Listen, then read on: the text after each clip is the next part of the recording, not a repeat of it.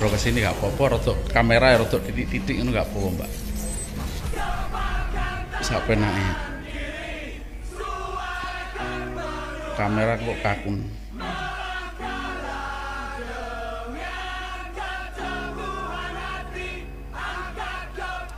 Assalamualaikum warahmatullahi wabarakatuh. Selamat malam Jombang. Oh, Ini lama sekali mbak. Saya sudah mulai ini nggak kena dulu kalau selamat malam Jombang itu selamat pagi Indonesia dan itu kencang sekali Oke malam ini kita akan berdiskusi atau ngobrol santai dengan Mbak Mbak siapa nih Mbak Mbak Kartika Kurniarati. Ratri. Ratri. Saya ini cukup kenal lama tapi di lingkungan-lingkungan yang berbeda-beda selalu ada Mbak Kartika ini. tapi waktu dikasih nomor sama Mas Udin, yeah. saya lupa Mbak Kartika. Koyok saya ada nama sama Mbak Kartika. Nah, dulu pendampingnya Mas Udin, enggak? Uh, gabung. Ya, saya kan dulu pernah konsultasi. Mm -hmm. Iya masalah masalah anak sih dulu. Mm -hmm. Terus saya diajak ke ini apa namanya komunitas apa namanya perempuan mandiri Jombang itu. Mm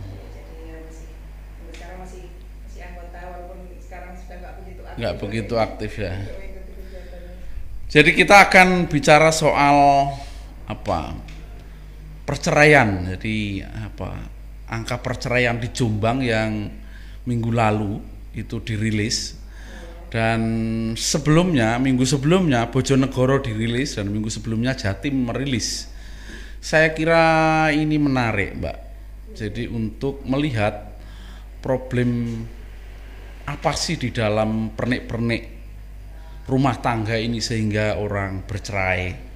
Nah, saya menjadi tergelitik ketika nongkrong di Sufi itu di Joglo itu yeah. apa kita dan beberapa tempat itu selalu masih melihat hubungan laki-laki dan perempuan itu seperti soal soal ini soal soal-soal yang yang dijangkau oleh agama ini sepertinya uh, masih ada pengetahuan lain yang harus dijangkau di dalam konteks analisis bagi agamawan-agamawan kalau kita sedang merasa punya kepentingan menurunkan angka perceraian.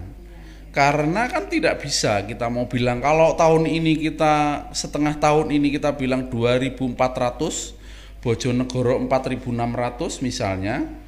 Kemudian tahun depan menjadi naik Kan tidak bisa kita justifikasi oh berarti kita kurang beriman kan gitu. Atau perempuannya kurang tunduk kan kan nggak begitu mbak. Kan nggak nggak mau begitu kan mbak? Ya. atau mau gitu? Oh. Pernik-perniknya menjadi kita ungkap untuk membantu membantu kawan-kawan melakukan apa membangun cara berpikir berpikir keberagamaan itu lebih terbuka di dalam cara melihat soal yang jadi analisis soalnya. Sehingga mungkin dakwahnya menjadi lebih transformatif menjadi lebih tajam gitu kira-kira. Gak soal oh pelama-lama ini perceraian meningkat berarti ketundukan perempuan kepada laki-laki menjadi berkurang terus. Kan nggak bisa diselesaikan begitu sampai kapan kita akan terus ngomong begitu gitu.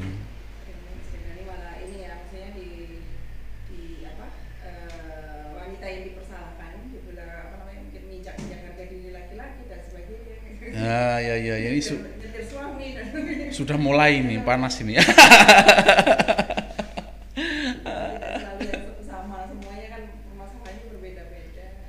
Kalau yang mulai dari kata Mbak itu, sebenarnya apa sih kalau merasa kita dengar laki-laki merasa diinjak-injak itu apa? Kejadiannya kayak apa sih Mbak? Kita tidak saling mempersoalkan siapa yang salah, tapi kita membantu melihat lebih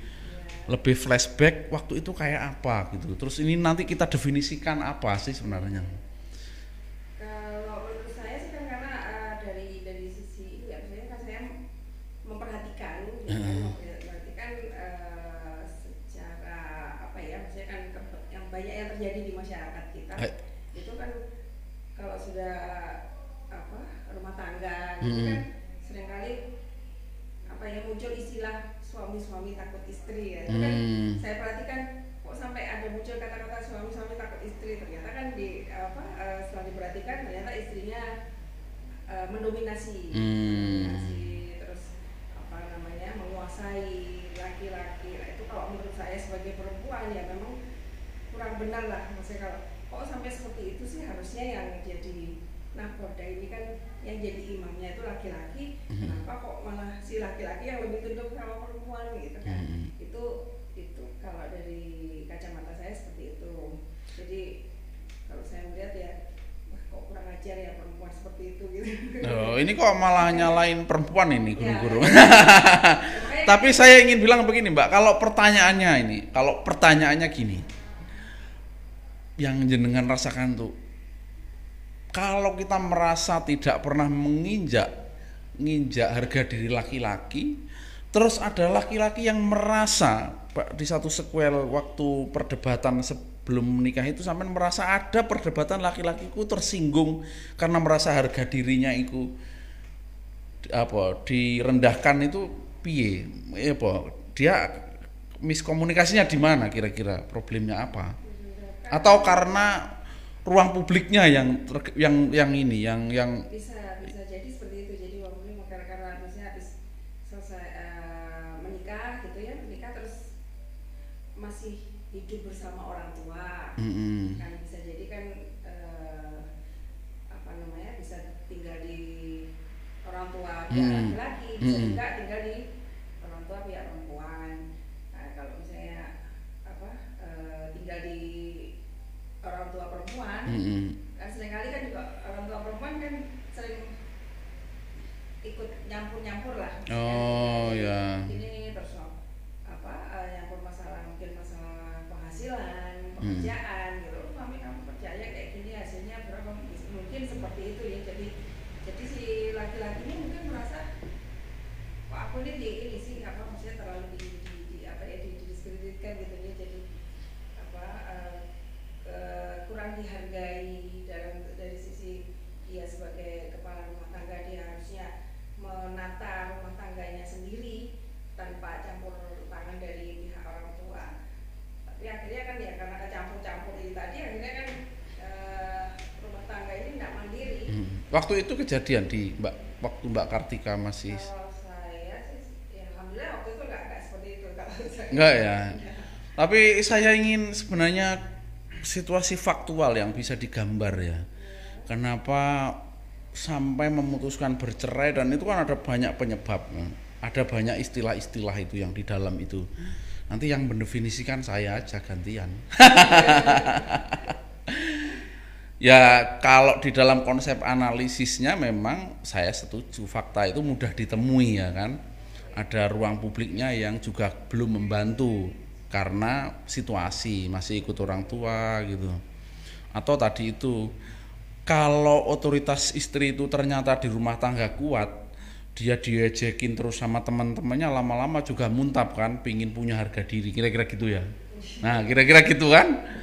Padahal sebenarnya nggak nggak nggak bisa kita lihat hanya ruang publiknya know.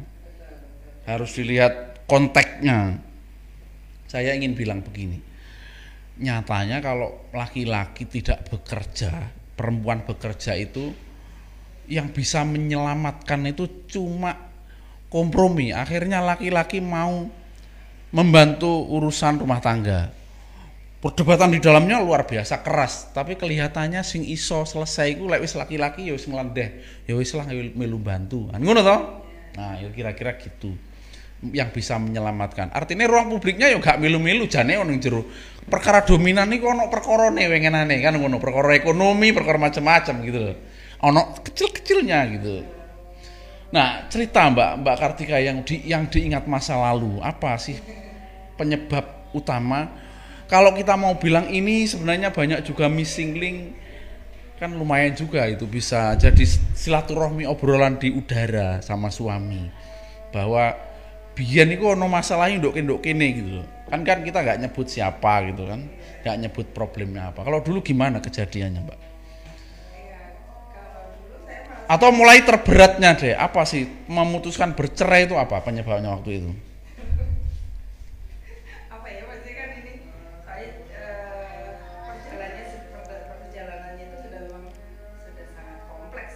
apa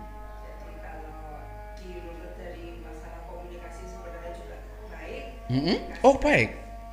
Hmm. eh, selama selama itu masih bisa dikomunikasikan itu kadang-kadang kita masih bisa Hmm. bisa menyelesaikan lah walaupun dengan berbagai macam konflik itu kan masih bisa terselesaikan cuma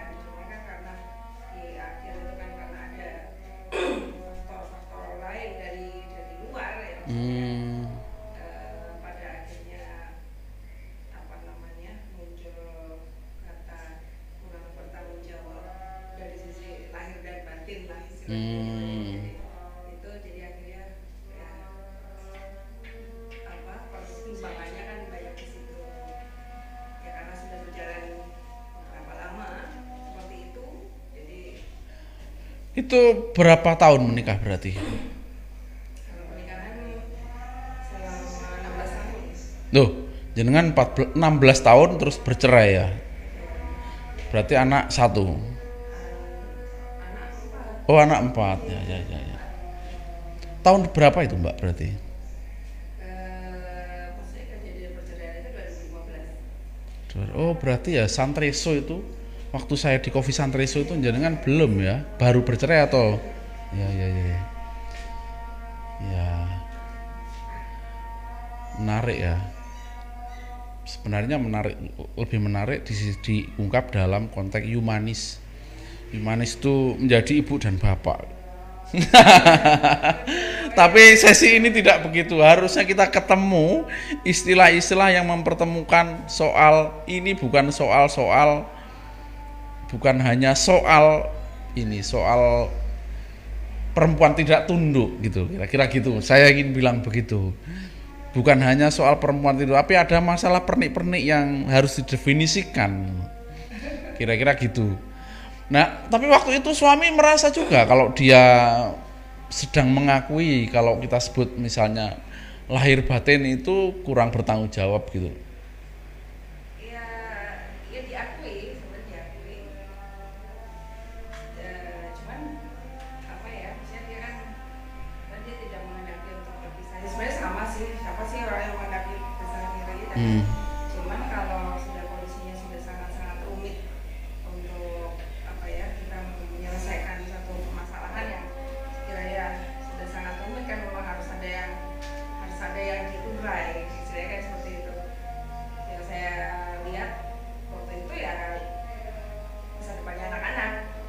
Tapi waktu itu ikut sebenarnya rumah mandiri, rumah sendiri juga, nggak ada orang, nggak ada. tadinya tadi mandiri mandiri. Cuman kan karena karena ya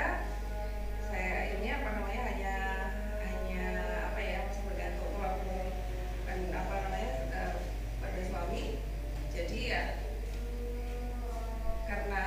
sekian lama tidak ada tanggung jawab jadi kan akhirnya kan pun nggak habis gitu jadi Waktu posisi perceraian tuh rumahnya masih ikut di rumah berdua mandiri atau rumah mertua?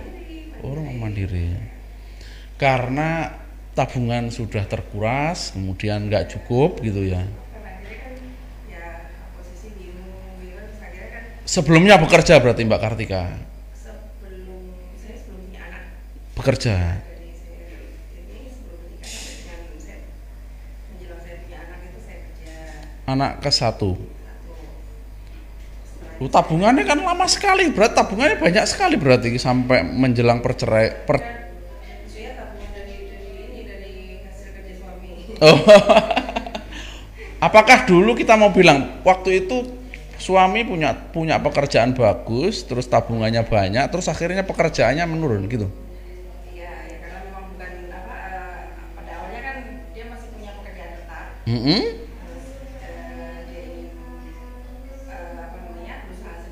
Mm-mm. usaha- sendiri tapi usahanya juga satu bangun satu bangun Hmm. akhirnya benar-benar jatuh jatuh dia ya ada ada saya ada pihak-pihak luar yang yang mempengaruhi sehingga dia akhirnya meninggalkan Ya artinya soal ekonomi itu menjadi pemicu yang sangat kuat ya waktu itu. Jadi menjadi pemicu yang sangat kuat soal ekonomi.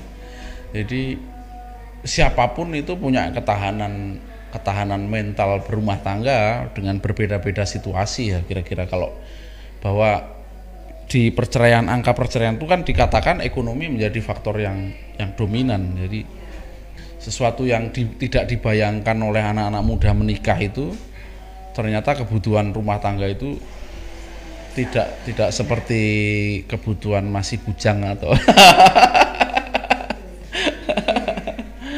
nah itu yang menikah muda atau sebenarnya berumur berapa waktu mbak? Saya menikah usia 26. Oh sebenarnya cukup matang ya, Iya. cukup matang. Makanya komunikasi sebenarnya baik-baik saja. Sebenarnya itu juga apa ya pada saat hubungan juga masih baik-baik itu juga kita hubungan itu ya juga seperti seperti kita ngobrol sama teman gitu kan. Gini, kalau hitungannya gimana hitungannya? Kalau saya ini masih ada suami, itu aja wes susah sekali ya di dalam konsep ekonominya. Tapi kemudian keputusan perceraian itu dalam konsep ngitung ekonominya piye waktu itu? Ya buka malah kabotan kira-kira waktu itu piye?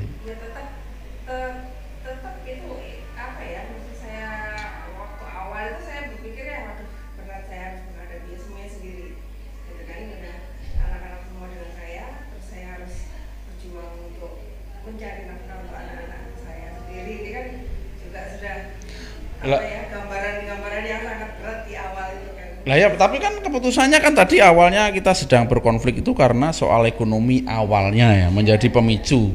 Terus akhirnya betapa nanti yang disongsong keputusan bercerai itu kan juga soal ekonomi yang lebih berat lagi. Betul. Waktu itu keputusannya apa? Ya sudah bercerai itu kenapa? Karena waktu itu saya harus saya harus bekerja Mm-mm. karena waktu sebelumnya kan saya tidak bekerja Mm-mm. Ya, waktu jadi ibu rumah tangga Suami tidak menghendaki Mbak Kartika bekerja. Awalnya dulu sebenarnya dia udah kita sudah ini ya sebelum nikah itu sudah sudah kita bicarakan gitu kan masalah pekerjaan itu sebenarnya dia juga membebaskan saya untuk bekerja Hmm.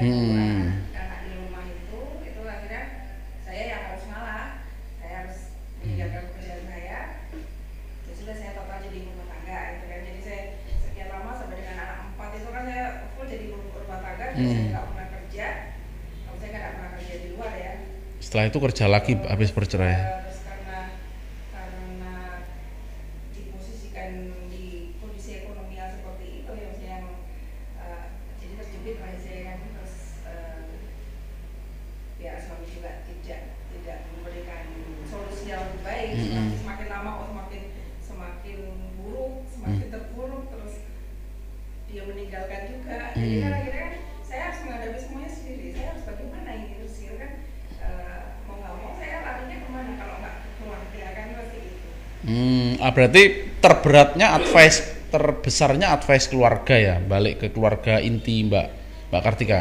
Hmm, cukup mem- yang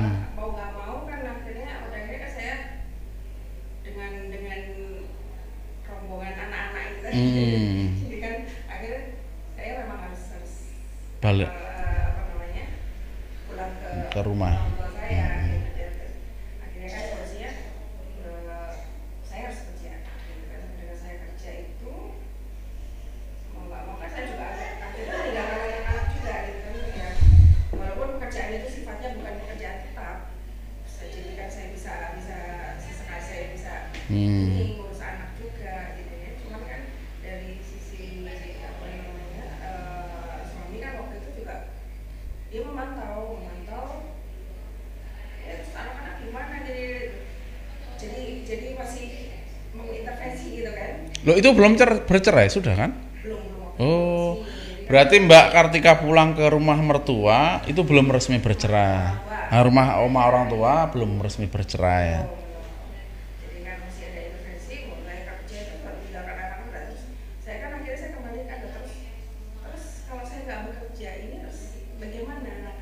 kan masih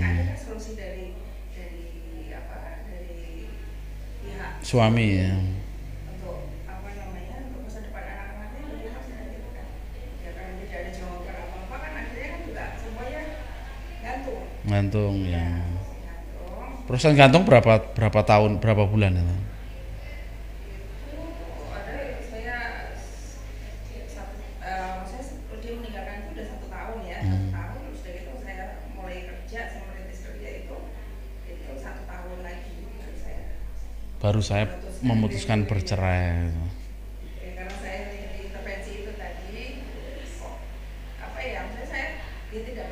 Memberikan solusi tapi saya Suami sudah menikah lagi belum? pada saat si- saat itu sih menurut pengakuannya sudah gitu. Hmm. sudah makanya saya ya itulah maksudnya kan eh, sebenarnya saya sendiri juga sudah sudah ini ya maksudnya kan sudah saya persilakan kamu mau menikah lagi Sudah silakan. Diikhlaskan. saya ikhlaskan untuk maksudnya untuk diri saya sendiri saya Mm-mm. sudah mengikhlaskan Hmm. hanya saya kan menuntut tanggung jawab untuk anak-anak Mm-mm. gitu kan saya kan sampai kapan pun kan anak-anak kan tetap tanggung jawab seorang Ya, ayah kan ya, gitu. ya, ya. tapi itu tidak ada tidak ada apa namanya solusi jadi ya akhirnya apa namanya dengan berjalannya waktu ini saya akhirnya saya harus Putuskan. memutuskan.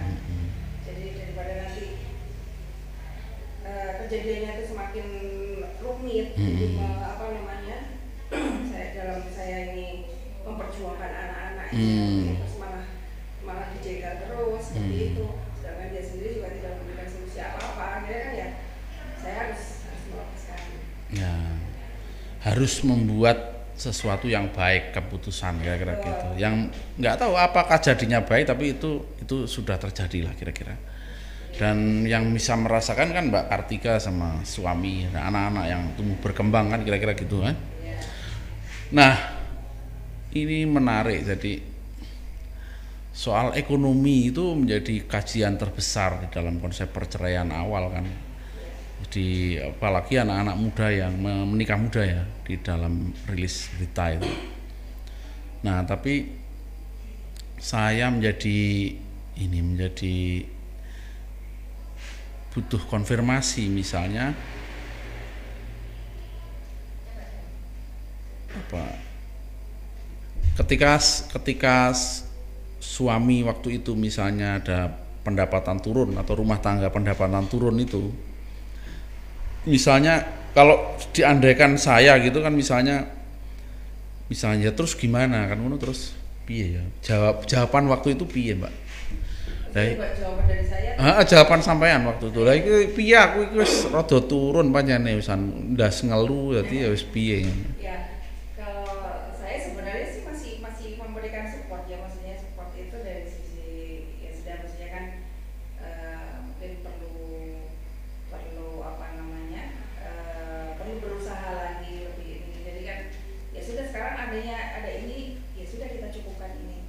Itu kan maksudnya kalau waktu itu anak-anak sudah menginjak usia sekolah, misalnya kan harus harus apa namanya ada kebutuhan-kebutuhan untuk untuk sekolah jadi paling nggak kan kita bisa bisa apa ya mengadakan negosiasi dengan pihak sekolah atau Hmm. atau mungkin ya pokoknya sebisa bisanya kita ngatur bagaimana Dan terjadi diskusi ya. terjadi Terjadi diskusi sama suami kan waktu itu. terjadi Wah. Sebenarnya hal apa pun kita mesti diskusikan Bagus loh itu sebenarnya ya. Sudah di level itu ya. Yang di kampung-kampung itu kan lumayan lumayan mengerikan kelihatannya kan. Kasus perceraian itu misalnya leadershipnya yang suaminya yang nggak mau tahu banyak perkara kan urusan rumah tangga urusan perempuan sementara ekonominya nggak cukup ya suruh nurut gitu-gitu kan. Urusan anak menjadi besar menjadi nakal urusan persoalan perempuan kan gitu-gitu. Banyak kasus itu banyak sangat banyak dan ya ini sangat ini sangat kalau kita bilang perempuan itu menjadi dehumanis gitu, dehumanisasi. Kalau kita lihat banyak-banyak ini ya, banyak cerita tulisan-tulisan yang menggambarkan tentang itu kan. Misalnya perempuan tidak mau tahu gitu kan, rep, apa laki-laki tidak mau tahu perkara rumah tangga itu kan. Selain bekerja kan repot itu mesti. Iya, iya. Makanya kan eh, sebenarnya kan dalam rumah tangga itu kan tetap kita m- butuh satu kerjasama sebenarnya kan karena ya itu tadi karena karena konsepnya itu kan rumah tangga ya itu tadi dijaga orang ya. Jadi tetap kerjasama tetap harus ada. Itu kan komunikasi kerjasama ya, tanggung jawab bersama gitu kan jadi eh, kalau suami sudah apa namanya eh, tugas utamanya itu mencari nafkah di luar istri di rumah Hmm. ya nanti pada saat suami pulang eh, suami pulang kan artinya kan dia sudah meninggalkan pekerjaan di luar Hmm. Nah kalau dipikir capek sama-sama capek, Hmm. yang suami kerja di luar capek, ya istri di apa ngurus rumah tangga ini tadi juga capek, Hmm. sama-sama capek. Jadi eh, sebisanya kan pihak pihak suami ini juga tidak menyalahkan oh, suami datang nggak dilayani lah. dan Waktu sebagainya. itu terjadi apa enggak? Ada sedikit enggak Iya, kejadian? pernah, pernah, tapi tapi maksudnya kan bisa terkomunikasikan dengan baik. Mm-mm, karena kota sebenarnya. Kalau di kampung kan banyak sekali nggak terjadi kan? Iya, iya. Di kampung sangat sangat itu. Kalau sudah kerja ya sudah meskipun kadang ini keluarga miskin, keluarga yang nggak cukup nafkah nafkah uangnya itu nggak cukup juga, tapi tuntutannya kan jauh lebih besar. Betul, betul. Iya sih kalau kalau dari sisi itu ya memang pendidikan apa ya maksudnya tentang pengetahuan tentang rumah tangga itu memang harus sebenarnya harus dikenalkan juga ya maksudnya tidak hanya dikenalkan tentang bagaimana menikah maksudnya prakteknya menikah itu seperti ini ini, ini kan. Saya perhatikan akhir-akhir anak-anak SMA itu ada praktek menikah. Praktek menikahnya. Jadi terus maksudnya apa? Kok anu apa? Anak-anak SMA kok dikenalkan? Apa namanya eh, praktek menikah? Oh ada. ada maksudnya kalau saya perhatikan anak-anak saya sekarang saya juga gitu sudah SMA kan dan ini kok kok lucu ya maksudnya kan anak-anak ini kan dia di, dikenalkan praktek menikah itu bagaimana gitu kan padahal sebenarnya menikah itu tidak tidak cukup di situ sebenarnya justru, Justru- setelahnya itu yang Justru dikenalkan masalah pernikahan. maksudnya maksudnya eh, bukan bukan masalahnya kalau masalah itu kan nanti munculnya kan juga akan belakangan berbeda-beda gitu kan Oh iya, tapi kan- Pengerti- pengertiannya sebenarnya pengertian menikah itu bagaimana sih bukan bukan prakteknya bagaimana Iya, tapi kan ada istilah misalnya kan ada masalah yang cukup terdefinisi dengan baik untuk menjadi tantangan. Misalnya perempuan itu nggak mungkin kuat jadi apa double burden kan begitu begitu kan? Iya. Double burden itu perempuan tuh nggak bisa kuat. Dia akan punya kemampuan terbatas untuk menerima diri menjadi double burden sementara ono isu-isu yang lain yang nanti akan menjadi problem. Double burden itu apa? Double burden itu ya kerja di rumah, di rumah tangga. Karena gak cukup ewang-ewang jadi pembantu.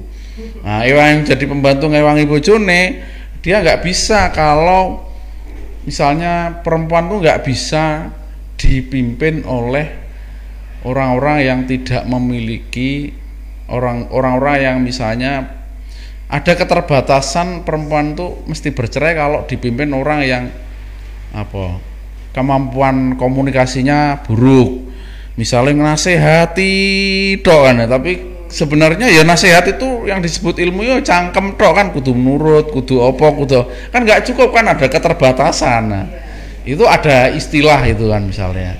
Jadi perempuan juga gak gelem di stereotip kan ngono.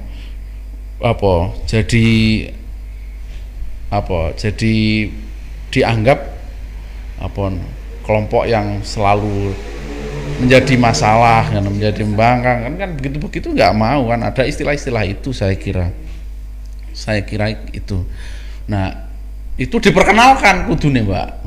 Diperkenalkan cara komunikasi komunikasi harus baik. Kan kan diperkenalkan persoalan yang akan dihadapi oleh sono definisinya. Kan begitu. Sehingga yang sedang disongsong itu adalah bayangan kemampuan menyelesaikan masalah ya, yang harus dilakukan. Misalnya kebutuhan rumah tangga kalau kebutuhan pacaran ini beda loh.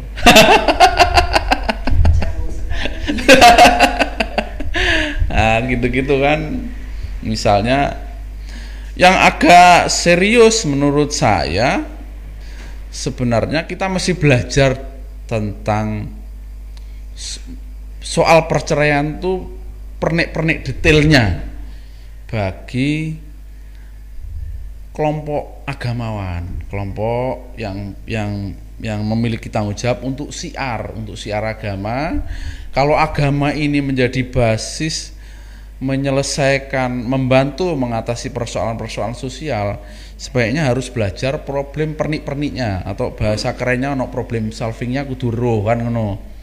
Sehingga kan kemudian tidak bisa perempuan itu ketika kita bilang awal tadi itu perceraian meningkat itu karena ketundukan perempuan berkurang. Tahu bulan tahun de, bulan depan begitu. Oh kurang kurang kurang loh terus lah kita berperan apa? Berperan apa kemudian sekolah banyak, pesantren tambah banyak, guru-guru, ustadz-ustadz tambah banyak, saya ngaji tambah banyak, tambah penambahan pendakwah tambah akeh, tambah difasilitasi negara, tambah duit. Kok perceraian tambah nurun? Lagi tanggung jawab sopo ah gitu loh. Kira-kira kan itu yang menjadi penting di dalam konsep pernik-pernik ini harus kita pelajari. Sebenarnya malam ini menjadi apa menjadi menarik untuk lebih tajam walaupun saya nggak punya definisi yang kuat sebenarnya Mbak Kartika ini cukup komunikasi kan kota ya cukup komunikasi sama suaminya gitu loh. Saidik saidiknya itu sebenarnya iya saya kan apa pun sih sebenarnya tentang anak juga kira-kira misalnya tentang apa pun itu saya pasti komunikasikan dengan hmm. dengan suami itu pasti. Jadi kalau apa maksudnya kan saya untuk memutuskan sendiri itu uh, dalam kondisi selama saya masih bisa komunikasikan saya komunikasikan. Jadi saya nggak nggak memutuskan sendiri tapi kalau misalnya pas posisi benar-benar mendesak saya harus memutuskan ya saya memutuskan. Tapi kan nanti setelah itu saya komunikasikan juga. Nah, tadi kejadian begini begini begini. Jadi ya memang membutuhkan apa namanya ke keputusan cepat. Jadi ya ini ya sudah. Maksudnya kan selama itu tidak tidak fatal sebenarnya kan nggak ada masalah gitu. Ya ya. Oke. Okay.